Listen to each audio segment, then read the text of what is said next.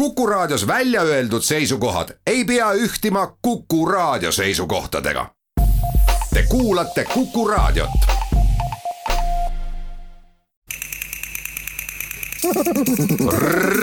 reisirada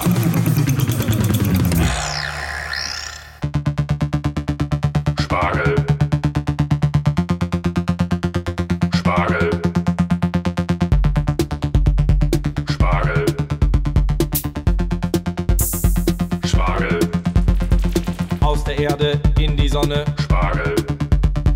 Freund der Erde, Freund der Sonne, Spargel. aus der Erde in die Sonne, Spargel. Freund der Erde, Freund der Sonne, Spargel. nii nagu nendest laulusõnadest välja tuli, on selles saates tegemist spargliga. Kui Eestis algab viies aastaaeg kevadise sula ja muljetavaldava üleujutusega Soomaal, siis Saksamaal algab maikuus samuti viies aastaaeg, see on sparglihooaeg. kõige olulisem majandusliku ilutaime kõrval on söödav spargel, Asparagus officinalis. Ja see on ka Saksamaa kõige püham aedvili talle on pühendatud laule, lugusid, anekdoote ja loomulikult retsepte. seega tere tulemast Reisirada saatesse, mille pühendan sellele mõnede jaoks jumalikule viljale, mõnede jaoks ravimile, teiste jaoks afrodisiakumile või lihtsalt mõnusaks vahelduseks rohukade seas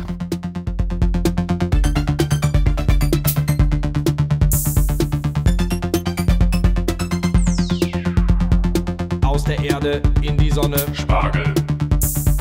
Freund der Erde, Freund der Sonne, Spargel. aus der Erde in die Sonne, Spargel. Freund der Erde, Freund der Sonne, Spargel. Spargel. Spargel. Aukrug, Badowik, Belitz,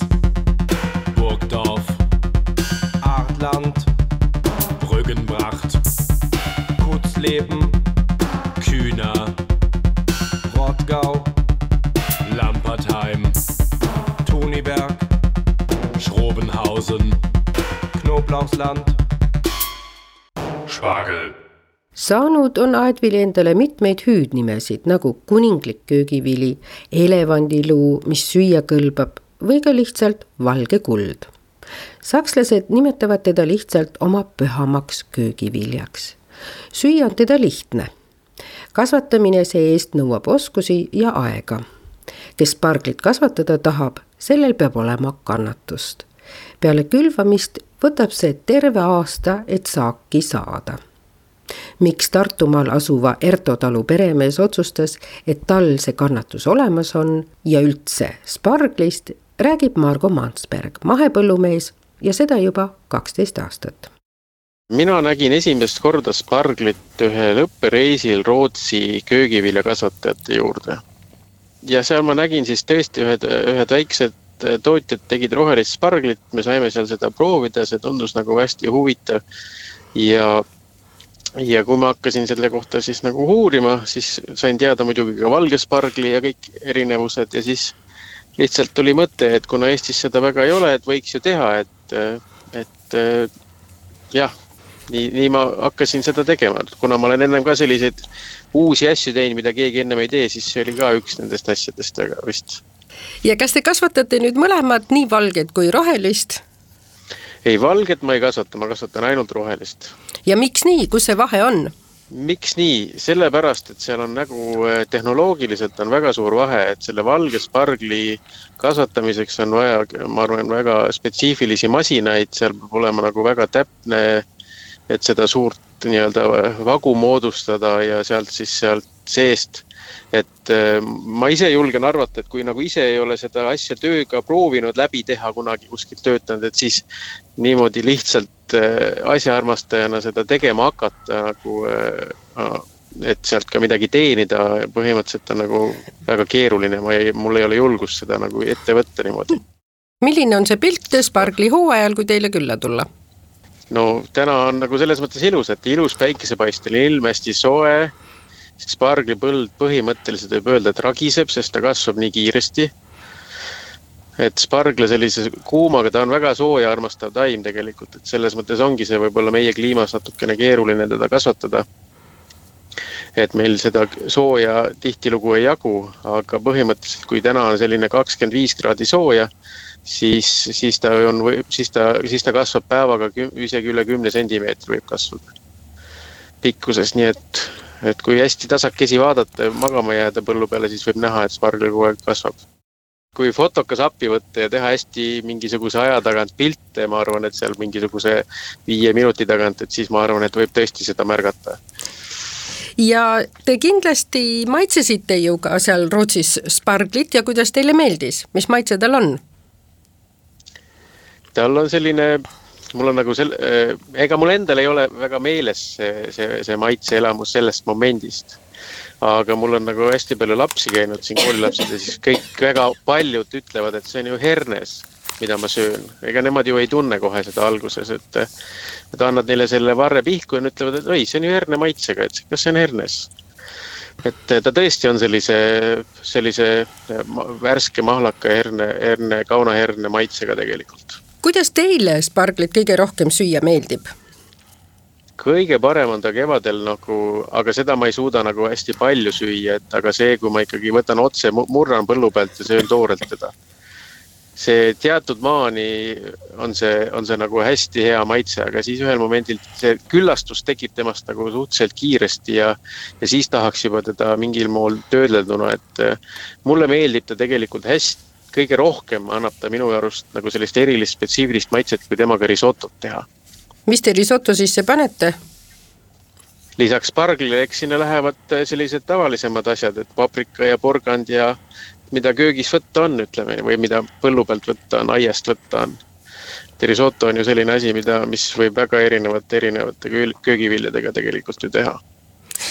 ja kuidas on tegelikult siis äh, ütleme niimoodi, et äh, te ütlesite, eks, et valget sparglit on väga keeruline korjata aga kuidas on korjata ja. rohelist? no jah, siin ongi nagu see vahe, et see roheline spargel ju on see osa, mis on maapealne osa, et ma näen, kui ma lähen võtma, lõikama teda, siis ma näen, kui pikk ta on ja nii edasi. aga kui ma varglet, valget sparglit, siis see on ju kõik, see valge on ta sellepärast, et ta on ju veel maa sees. et ta ei ole päiksevalgust näinud. Ja siis tuleb teda koristada ja, ja, ja sinna vao sisse, kus ta on ju tegelikult ju ei näe kust teda lõigata, et eh, vot see ongi nagu minu jaoks selline kogemuse puudus. et eh, kuidas seda saab niimoodi teha. ja sellepärast ongi, et eh, spargli korjamine on keeruline ja käia tuleb seal hästi palju ja see teeb spargli ka kalliks no see korjamine tegelikult jah, ütleme valge spargli puhul kindlasti see nõuab hästi palju nagu kogemust, et eh, mul on siin tuttavaid olnud, kes on öelnud, et nad on kunagi töötanud eh, selle spargli põllu peal, valge spargli põllu peal. ja, ja see on tõesti nagu selles mõttes ei ole lihtne töö ära õppida aga rohelise spargli kasvatamise juures tema kalliks teeb tegelikult pigem, pigem muud asjaolud, et kui täna mõelda nagu minu kogemust, siis on see just nimelt, et mahepõllumajandus ja kuidas teda siis nagu niimoodi kasvatada, et see umbrohi ei tule. et see umbrohu teema, kuna ta ise on selline taim, mis absoluutselt ei ole võimeline nagu konkureerima umbrohtudega, siis on tegelikult nagu äh, kõige kallimaks minu jaoks teeb see umbrohu tõrjumise äh, teema seal põllu peal. ja kui tegemist on nüüd mahepõllumajandusega, kuidas siis äh, tuleb võidelda umbrohuga? eks ta, eks täna on mul ikkagi käsitsi töö kõik selles mõttes, et äh, tuleb võtta kõblas kätte ja kõblata ja, ja juurumbrohud tulevad välja kaevata ja, ja selles mõttes on ta nagu jah, hästi töömahukas. kui vaadata, et spargli hooaeg lõpeb tegelikult ju juba kahekümne neljandal juunil, siis on see ju ja. väga lühike, aga miks teda nii vähe on? miks teda nii lühikest aega on? nagu iga taimega on see, et iga taim ju, kui me võtame mingi võrse ära, siis ta on ju sinna hulga oma elujõudu ja toitained andnud, eks ja selleks, et ta üle talve jõuaks, suudaks pärast uuesti nagu juur, juurtesse toitainet koguda, siis on tal vaja ka taastumisaega. Ja kuna meie suvi siin on nagu selles mõttes äh, väga lühike või kevad on lühike sparglihooajal, siis äh, juba peale jaanipäeva, kui päev hakkab pikemaks minema, siis tema kasv ei ole enam nii intensiivne ja sellepärast on tal nagu seda aega talveks valist-, valmistumiseks ka rohkem vaja nagu ma lugesin, et sellel aastal Austrias näiteks on sparglihooaeg eh, veidike vilets, sest kevad oli väga külm ja sparglit on vähe. ka meil on täpselt niimoodi, et täna on, täna on vist kümnes või üksteist no ütleme jah, kümnes eh, mai ja mina ei ole veel täna saanud ühtegi sparglivart oma põllu pealt aga siin esimesed sparglid ma siin varasematel aastatel, ma olen saanud ka aprilli lõpul, kakskümmend viis aprill, seda, see on juba tegelikult peaaegu üle kahe nädala on see vahe. et eh, laias laastus, et täna ma veel ei ole saanud, et siin läheb veel mõned päevad, et eh, suures laastus võib öelda, et kolm nädalat hiljem on sel aastal spargel, kui kõige varasemal ajal on olnud ja see tähendab täna minu jaoks juba seda, et kui ma esimesed spargid tavaliselt olen mai esimesel nädalal saanud, siis tegelikult sel nädalal, sel aastal on kindlasti nagu see spargli korje aeg on kaks nädalat lühem. Aga vaatamata sellele, et ta algas hiljem, ta siiski ka ei lõpe hiljem. Ei, kindlasti mitte, ta ei lõpe, teda ei, teda ei kannata nagu niimoodi pikk, pikemaks viia, sest ega see päev, päeva pikkus muutub äh, ikka ühtemoodi, oleneb ta sellest, kas soe või külm on. et see hakkab ikka jaanipäevast hakkab päev lühemaks minema nii et äh, tuleb julgustada, et see, kes nüüd Spargli elamusi saada tahab, peab veidike kiirustama, sest pärast kahekümne neljandat juunit seda enam teha ei saa, siis tuleb juba oodata järgmist aastat. siis on juba järgmine aasta jälle jah, kuigi talvel on meil siin ju lõunapoolkera kevade sparglid et, et ka neid saab poest osta, kuigi noh, ma olen isegi proovinud, aga, aga jah, sellist maitseelamust sealt paraku ei saa. kui te alustasite spargli tootmisega, kas te heitsite pilguga spargli ajalukku? vot see töö jäi küll tegemata. kõige rohkem nagu ajalugu, mis ma nagu oskasin öelda, et ma, ma mõtlesin selle üle, et miks Eestis seda keegi väga kasvatanud ei ole, et, et tegelikult ju koduaedades eh, sparglit on küll ja küll olnud ja ta on nagu ilutaimena olnud. et neid aedu, kus on spargel kodus aias, on, olen mina näinud päris, päris palju. aga jah, et seda ka süüakse, see oli see meie, meie viljakas nõukogude aeg, kes, kes, eh, kes tegelikult on selle maailm kinni oli ja tegelikult me ei saanud selle tõttu võib-olla teada, et selline asi ka süüa kõlbab aga kes tahab nüüd ise ka proovida, kuidas sellega on, kas võiks teda natukene kasvatada ka terrassil, balkonil, koduaias? koduaias loomulikult saab teda väga hästi, et minu selline spargel ongi tegelikult, et minu vanaema kodus oli lillepeenas oli spargel. selline hästi suur ja võimas, ta oli juurt, juuri nii-öelda see ümbermõõt ju peaaegu meetri jagu oli et eh, sealt neid võrseid tuli, aga meil, mul ei olnud kunagi ja keegi ei rääkinud ka, et sealt võiks neid isegi süüa. ja kui palju sellel aastal spargli kogust tuleb, mis te arvate?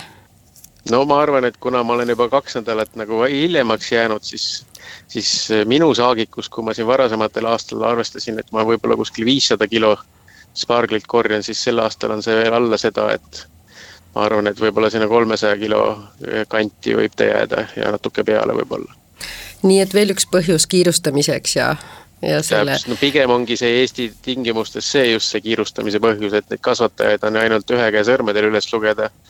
ja tegelikult eh, saada teda sisuliselt eestimaist sparglit tegelikult on ikka väga, väga valitud seltskond saab selle kuskilt kätte tegelikult ja teise külje pealt on väga palju selliseid äh, toredaid spargli retsepte ja spargel on ju ka väga tervislik.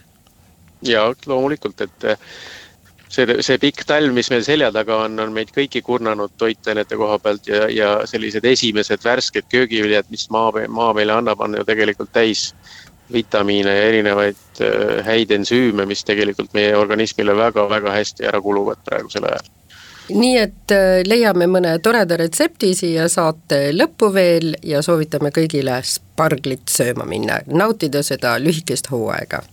ja minu poolt ka kõigile head isu ja julgust proovida uusi asju, maitseid ja, ja ka taimi kasvatamiseks. reisirada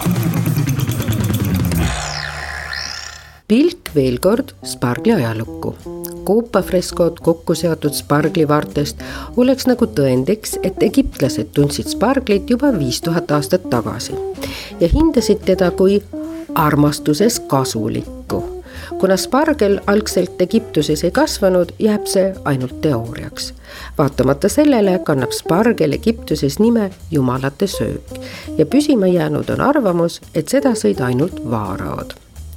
Kreeklaste jaoks oli spargel tuntud ravimina kui asparagus acutifolius, mis on tugevama maitsega kui kultuurspargel, mida me täna tunneme Nende jaoks oli maitsest olulisem spargli ravivõime seetõttu ei ole üllatav, et esimesed andmed pärinevad ei kelleltki muult kui arstilt Hippokrates. Antiikses Kreekas kasutati rohelist sparglit efektiivse vahendina kollatõve vastu ning ka kõhulahtistina selle jaoks ei kasutatud aga mitte õrnu sparglivarsi, vaid kuivatatud juuri, millest tehti vett väljutav ravim kreeklased söövad täna sparglit eriti maa põhjaosas kergelt aurutatuna koos mõnusa seguga äädikast, sidrunist ja oliiviõlist.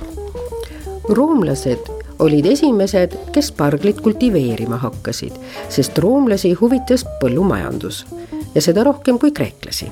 ja Marcus Portius Cato sada seitsekümmend viis aastat enne Kristust õpetas, kuidas rohelist sparglit kasvatada Vanas-Roomas ei tohtinud Rooma kõrgkihi laualt puududa delikatessina spargel. Teised allikad väidavad, et spargel mõjub ka afrodisiakumina ning isegi kõige vanem spargli retsept on pärit antiiksest Roomast. Marcus Gavius Apicius kirjeldab spargli vormi valmistamist põõsaslinnu ja kalakastmega mis viitab sellele, et spargel oli roomlaste seas tuntud aedvili, mida rikkamad roomlased nautida oskasid. roomlaste jaoks oli spargel juba delikatess ja samas ka afrodisiakum. aastast tuhat seitsesada viiskümmend on pärit ka juba esimene Hollandi kastme retsept aastal tuhat kaheksasada neli pandi esimene spargel konservi ja sealt algab ka valge maal kasvatatud spargli võidukäik kahekümnenda sajandi algus tõi hinnalanguse ja spargel muutus ka tavainimesele kättesaadavaks. täna on Saksamaa niinimetatud sparglirahvas ja aastal kaks tuhat kaheksateist söödi nautijate poolt Saksamaal kokku sada kolmkümmend kolm tuhat tonni sparglit sellest kogusest aga ei piisa ja seega toodetakse ka Peruus kunagise koloniaallinna Trujillo ümbruses sparglit nii Saksamaa aga ka Põhja-Ameerika jaoks. Roomlased olid ka need, kes oma vallutusretkedel spargli Euroopasse tõid. seal jäi ta aga esialgu kloostri aedadesse, kus haritud mungad teda ravimtaimena kasvatasid.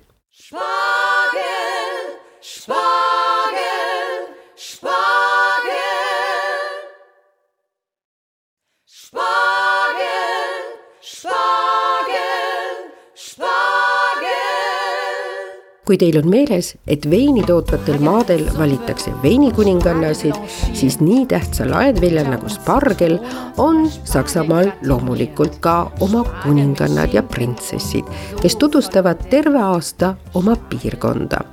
Ja nii on teinud ka kolm õde Mannheimist oma spargli laulu Asparagus song, rääkides, mida kõike sparglist teha saab valik, kuidas seda aedvilja nautida saab, on ulatuslikum, kui võiks arvata.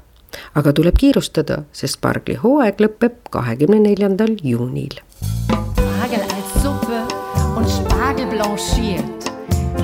Und Zitrone oder Spargel gratiniert. Spargel mit Schinken und Sauce Hollandaise. Spargel überbacken mit Kräuter und Käse. Spargel als Gemüse ich doch nur jeden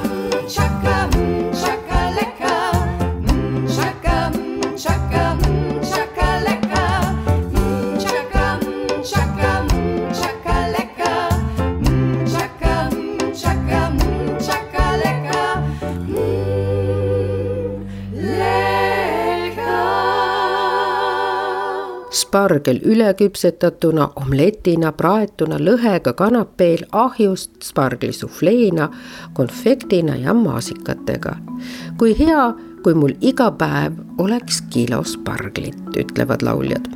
spargel on üks vanematest kultuurtaimedest ja pärit Euraasiast. teda olevat ravimtaimena hinnatud juba kuus tuhat aastat tagasi täna leiab näiteks taispargli, pliiatsipaksuse rohelise spargli, mis on rohelise spargli variatsioon. kuueteistkümnes sajand toob spargli aga juba söögilauale ja seda esmajärjekorras kuninglikes majapidamistes. Louis neljateistkümnes olevat nõudnud sparglit oma roogadesse ka talvisel ajal Austrias alustasid talunikud tollase luksusaedvilja hoogsat kasvatamist viinilähedastel põldudel, et varustada õukonda nii räägivad legendid, et keiser Joosef Teine ei tahtnud isegi põgenemisel Napoleoni eest sparglist loobuda ja lasi seda endale järele saata. anekdoote spargli kohta on mitmeid.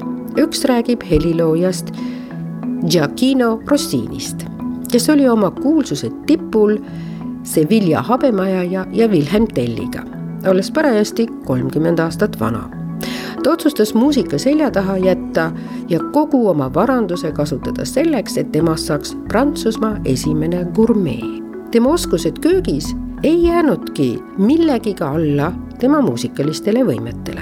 seda tõendab märge tema kirjavahetuses.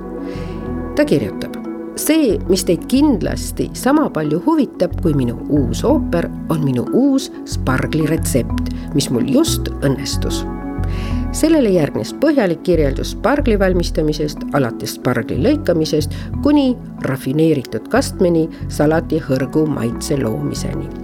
spargel on jõudnud ka kunsti. Edouard Manet sparglimaal La Botte d'Asperge on täna Musée d'Orsay's näitusel üheksateistkümnenda sajandi lõpul müüs Manet oma sparglipildi kunstikriitik ja kunstiajaloolasele Charles Efrusile kaheksasaja frangi eest Efrussi andis talle aga tuhat, sest pilt meeldis talle nii väga. tänutäheks kinkis Manet talle veel ühe üksiku spargli pildi sõnadega üks vars oli pundist välja jäänud.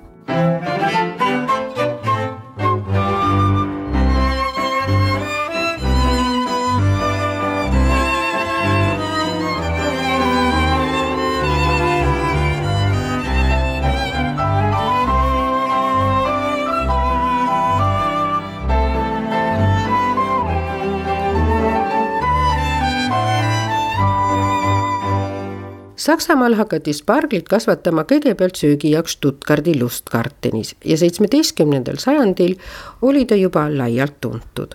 tema võidukäik algas aga üheksateistkümnenda sajandi lõpul, kui sparglit konserveerima hakati. Veronika Derlensista on Comedian Harmonistide repertuaari üks tuntumatest lauludest millega see meeste kvintett tuhande üheksasaja kolmekümnendate aastate alguses Berliinis suurt meenu saavutas laulu tekst on väheke humoorikas, frivoolne, millega Comedian Harmonistide omapära muljetavaldavalt esile tuli. tegemist on Foxtrotiga ja tema tekkimisest on säilinud legend, et laul tekkis plaadifirma Ultrafoni juures, kui oodati produtsenti Grenzenbachi. ja tema tulekul loodi klaveril paar takti, see oli tulevane refrään. esialgu küll sõnadega Ta kommt der ja de Grenzenbach. Produtsent haaras sellest kinni, tunnetades ette, et sellest saab hitt.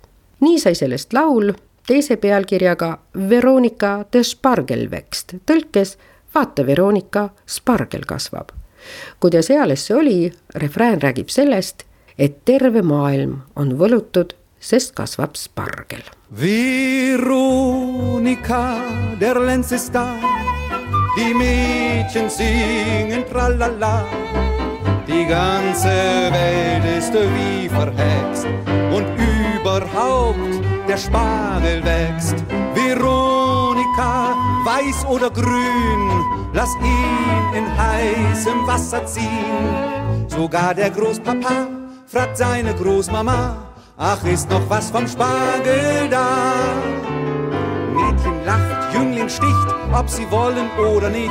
Draußen ist Frühling. Der Gourmet Otto Licht hält es heut für seine Pflicht, kocht ein Spargelgericht. Veronika, der Lenz ist da. Die Mädchen singen tralala. Die ganze Welt ist wie verhext und überhaupt der Spargel wächst. Veronika, weiß oder grün, lass ihn in heißem Wasser ziehen. Sogar der Großpapa fragt seine Großmama, ach ist noch was vom Spargel da? Geschält, weich und gare Schinken von Veronika und Hollandaise. Schlank und weiß, zart und heiß, wie ich leicht ins Köpfchen beiß, sing ich zärtlich und leis. Veronika, der Lenz ist da, die Mädchen singen tralala. Die ganze Welt ist wie verhext und überhaupt der Spargel wächst. Veronika, wie du mich quälst, wenn du so zärtlich Stangen schälst. Du bist so zart und fein, ach sei du meine Jane, ich will dein Spargeltarzan sein. reisirada maailma spargli pealinn on aga Michigan USA-s. Sparglisupp kuulub seega Põhja-Ameerikasse. kõige populaarsem on roheline spargel. üks Ameerika asutajatest, loojatest oli lausa hull selle varsköögivilja järele. selleks oli Thomas Jefferson, kes rajas isegi eraaia spargli jaoks ja läks ajalukku kui üks kuulsaimatest spargli fännidest spargel kreemsupina, sparglivorm või lisand liha juurde, see kõik on Ameerika söökide vältimatu kaaslane. Michiganis tähistatakse sparglisaaki igal aastal suure peoga. see isehakanud USA sparglipealinn toodab aastas ühe kolmandiku kogu Ühendriikide spargli nõudlusest. valge spargli lõikamine ei ole ka sugugi lihtne töö iga üksik sparglivars tuleb ükshaaval mullast välja lõigata. Seetõttu kõnnib iga sparglikorjaja vähemalt viis kilomeetrit. kui kattekile tuleb käsitsi eemaldada, siis kolmekordistub kilomeetrite arv, sest kile tuleb ära võtta ja peale korjamist jälle tagasi panna.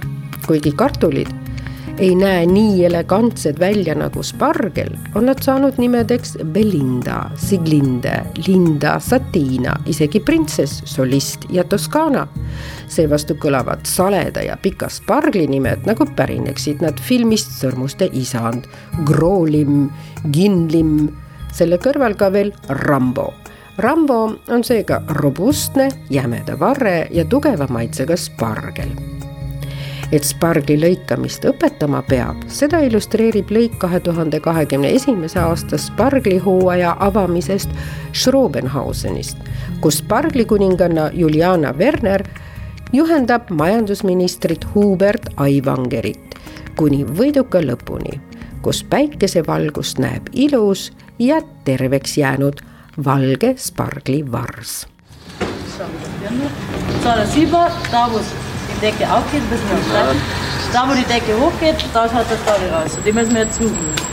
Dann nehmen wir zwei Finger, Ich suche schon mal da. genau da wo er rausschaut, ein bisschen rein. So. Dann nehmen wir das Stechmesser, am Kopf heben und richtig nein. Und So, da haben wir ihn. mis eristab aga Prantsuse sparglit Saksa sparglist? esiteks värv. prantslased hindavad kõige rohkem delikatessina violettset sparglit. Saksamaal peetakse lillakat tooni valge eksemplari väikseks puuduseks ja see avaldab mõju ka hinnale. teine erinevus peitub viisis, kuidas sparglit süüakse kui Saksamaal haaratakse noa ja kahvli järele, siis prantslased naudivad aedvilja seda kätte võttes. Nemad ütlevad muheledes, et tekib väike kõhedus tükeldada noaga nii sugestiivse vormiga köögivilja. sparglit ei olegi nii keeruline kasvatada, selleks on vaja spargliseemneid. seal on neid nii roheliste kui valgete sparglite jaoks ja nimelt seemnemaailmas Nende leheküljelt leiab ka palju huvitavat informatsiooni spargli enda kohta, nii tema ajaloo kui kasvatamise jaoks. seda läbi lugedes saate mõelda, kas teil jätkub ikka kannatust, et sparglit kasvatama hakata, eesmärgiga teda süüa. piirduda saate aga alati spargli kui dekoratiivtaimega. spargel armastab liivast mulda Erki Altrov, Biolaani müügijuht, kes vaatab tagasi juba kahekümne ühele aastale kogemustele, teab siinjuures soovitada, et spargli jaoks sobib ka kaktusemuld või segate musta mulla liivaga. koht peab spargli jaoks aga igal juhul olema päikeseline, sest spargel on valgusenõudlik kultuur, pärineb ta ju Vahemere maadest. Seepärast soovitataksegi teda istutada kõige valgusküllasemale kohale Erki Altrov soovitab ka mulla ostmisel vaadata, mille jaoks mulda vajate. üks asi on lilled, teine aga, kui tahate kasvatada maitsetaimi või midagi muud söömiseks. seega sobib ühele aiamaa mustmuld, olenevalt ka pakendite suurusest, on lisatud näiteks ka mineraalaineid.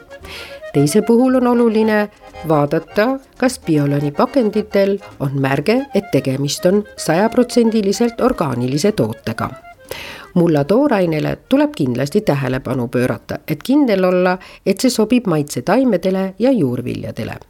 kui tegemist on kompostiga veepuhastusjaamadest, siis sobib ta haljastusse ja ilupõõsast alla, aga kindlasti mitte söödavate taimede jaoks, ütleb Erki. biolaani tooraine pärineb turbarabast ning ka komposti valmistatakse ise. sellesse kuulub turba kõrval ka puidupraht ja broileri sõnnik. kes endale aga taimekasvatuse päris lihtsaks tahab teha, saab valida turbatabletid ja luua selliselt kasvõi aknalauale minikasvuhoone. see on kõige vähem vaevanõudev lahendus, nii-öelda lollikindel, naerab Erki Altrov igal juhul on soovitav vaadata ka Biolaani koduleheküljele, kus saate häid nõuandeid erinevate taimede kasvatamiseks.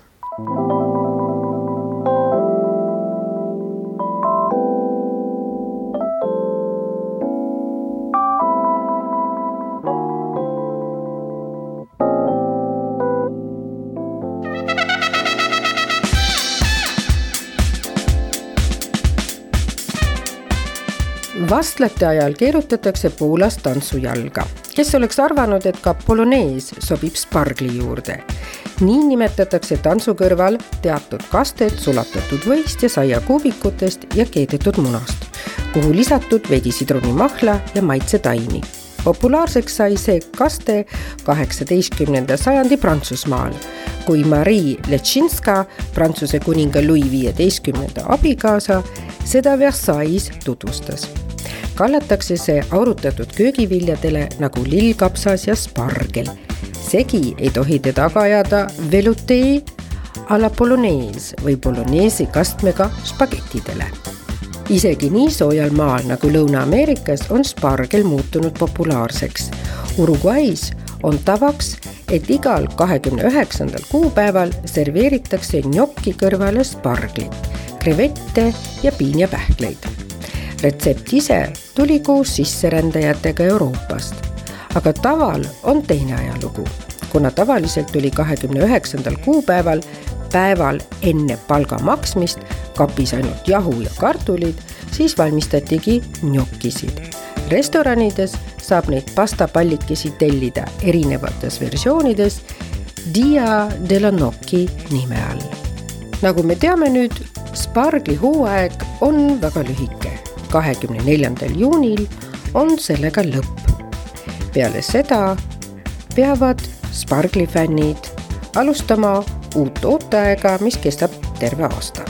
sest nii kaua vajab taim, et ennast koguda sparglit nimelt ei istutata igal aastal uuesti, vaid ta kannab mitu aastat vilju.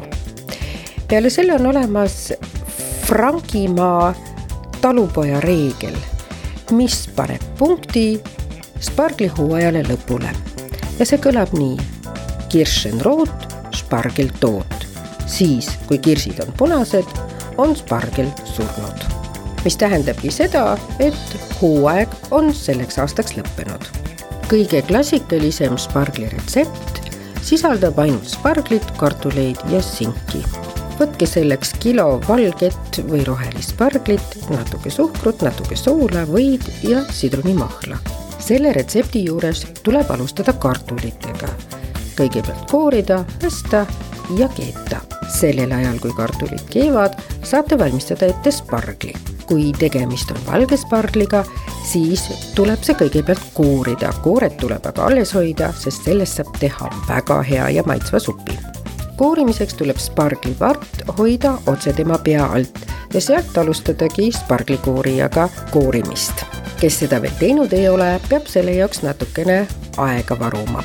kui spargel on kooritud, siis tuleb lõigata ära ka veidi puitunud otsad ning ka need jätta supi tarbeks alles siis tuleb spargel keeta, ühe kilogrammi spargli jaoks on vaja näputäis soola, kaks teelusikatäit suhkrut ja üks supilusikatäis võid ning väike törts sidrunimahla vee sisse ja siis tuleb vesi keema ajada. kui vesi keeb, tuleb kooritud sparglit sinna sisse panna.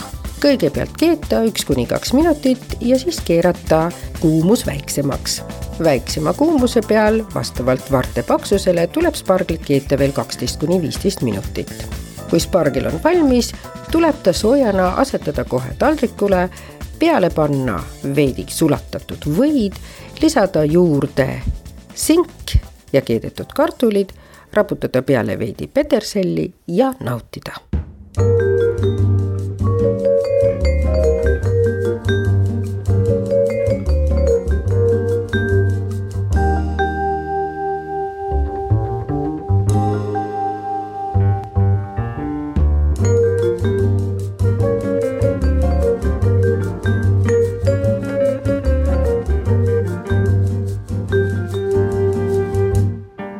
mina soovitan kõigile ära proovida, miks on spargel juba aastatuhandeid söögilaual. miks on sakslased selle oma pühaks aedviljaks kuulutanud ja katsetada, kuidas maitseb teile spargel kõige paremini. kas lihtsalt võiga või siis Hollandi kastmega või on ka teie jaoks risoto parim viis spargli nautimiseks nagu Erto Talu peremehe jaoks. ka Seemnemaailma koduleheküljelt leiate proovimiseks retsepte kuna spargel kuulub ka minu kevadiste lemmikroogade hulka, siis paar nõuannet. roheline spargel sobib hästi ka vähese õliga pannil praadimiseks. raputage peale parmesanijuustu ja ongi maitsev roog. keevasse vette tuleks lisada näputäis suhkrut, et ei tekiks mõrudat maitset ja lisada paar tilka sidrunimahla, seda valge spargli keetmise puhul kes spargli desserti proovida soovib, teeb creme brülee tavaretsepti järgi ja lisab sparglimassi. karamelliseerib ja naudib erilise maitsega magustoitu. ostmisel pöörake tähelepanu sellele, et sparglivarred on tugevad ja kui neid üksteise vastu suruda, teevad nad kriuksuva heli. kes aga kõigepealt tippkoka käe all valminud sparglit proovida tahab, saab seda teha Tallinna Sadama lähedases restoranis Smak, kus kokkab endine kokkade olümpiaadi Bocuse d'Ori osaleja Dmitri Roos. saate tehnilise külje eest vastutas Veiko Rebane enne kui lõpetame saate kevadise lauluga Comedian Harmonistidelt veel üks väike spargliga seotud legend. ja mina soovin teile, kasutage seda suurepärast võimalust õppida tundma sparglit. igaks juhuks veel nii palju, et spargel ei ole kõhtu täitev, vajab seega lisandeid, tema kalorsus on aga madal ja kõige paremini sobib tema juurde valge kuiv vein. head nautimist Norra kirjanik Henrik Ibsen luges lõõgastuseks kokaraamatuid. kõige rohkem olevat talle meeldinud tema kaasmaalase Asbjörnseni raamat pealkirjaga Mõistlik toitude valmistamine. ning kui Ibsen oma Müncheni ajal õppis hindama sparglitoite, kogus ta neid nii palju, kui leidis ning saatis kõik spargli retseptid Asbjörnsenile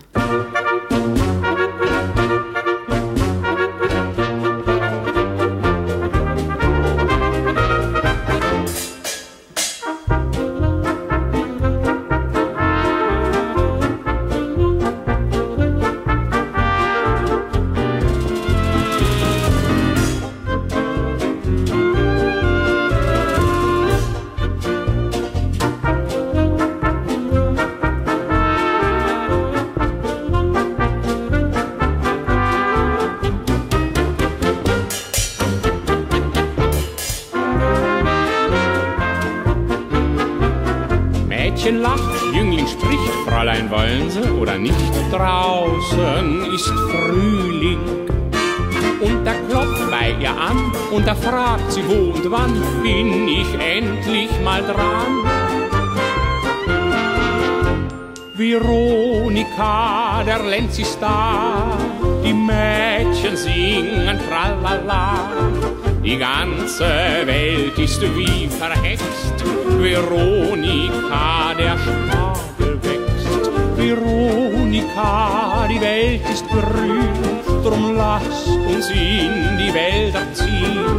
Sogar der Großpapa sagt zu der Großmama, Veronika, der Lenz ist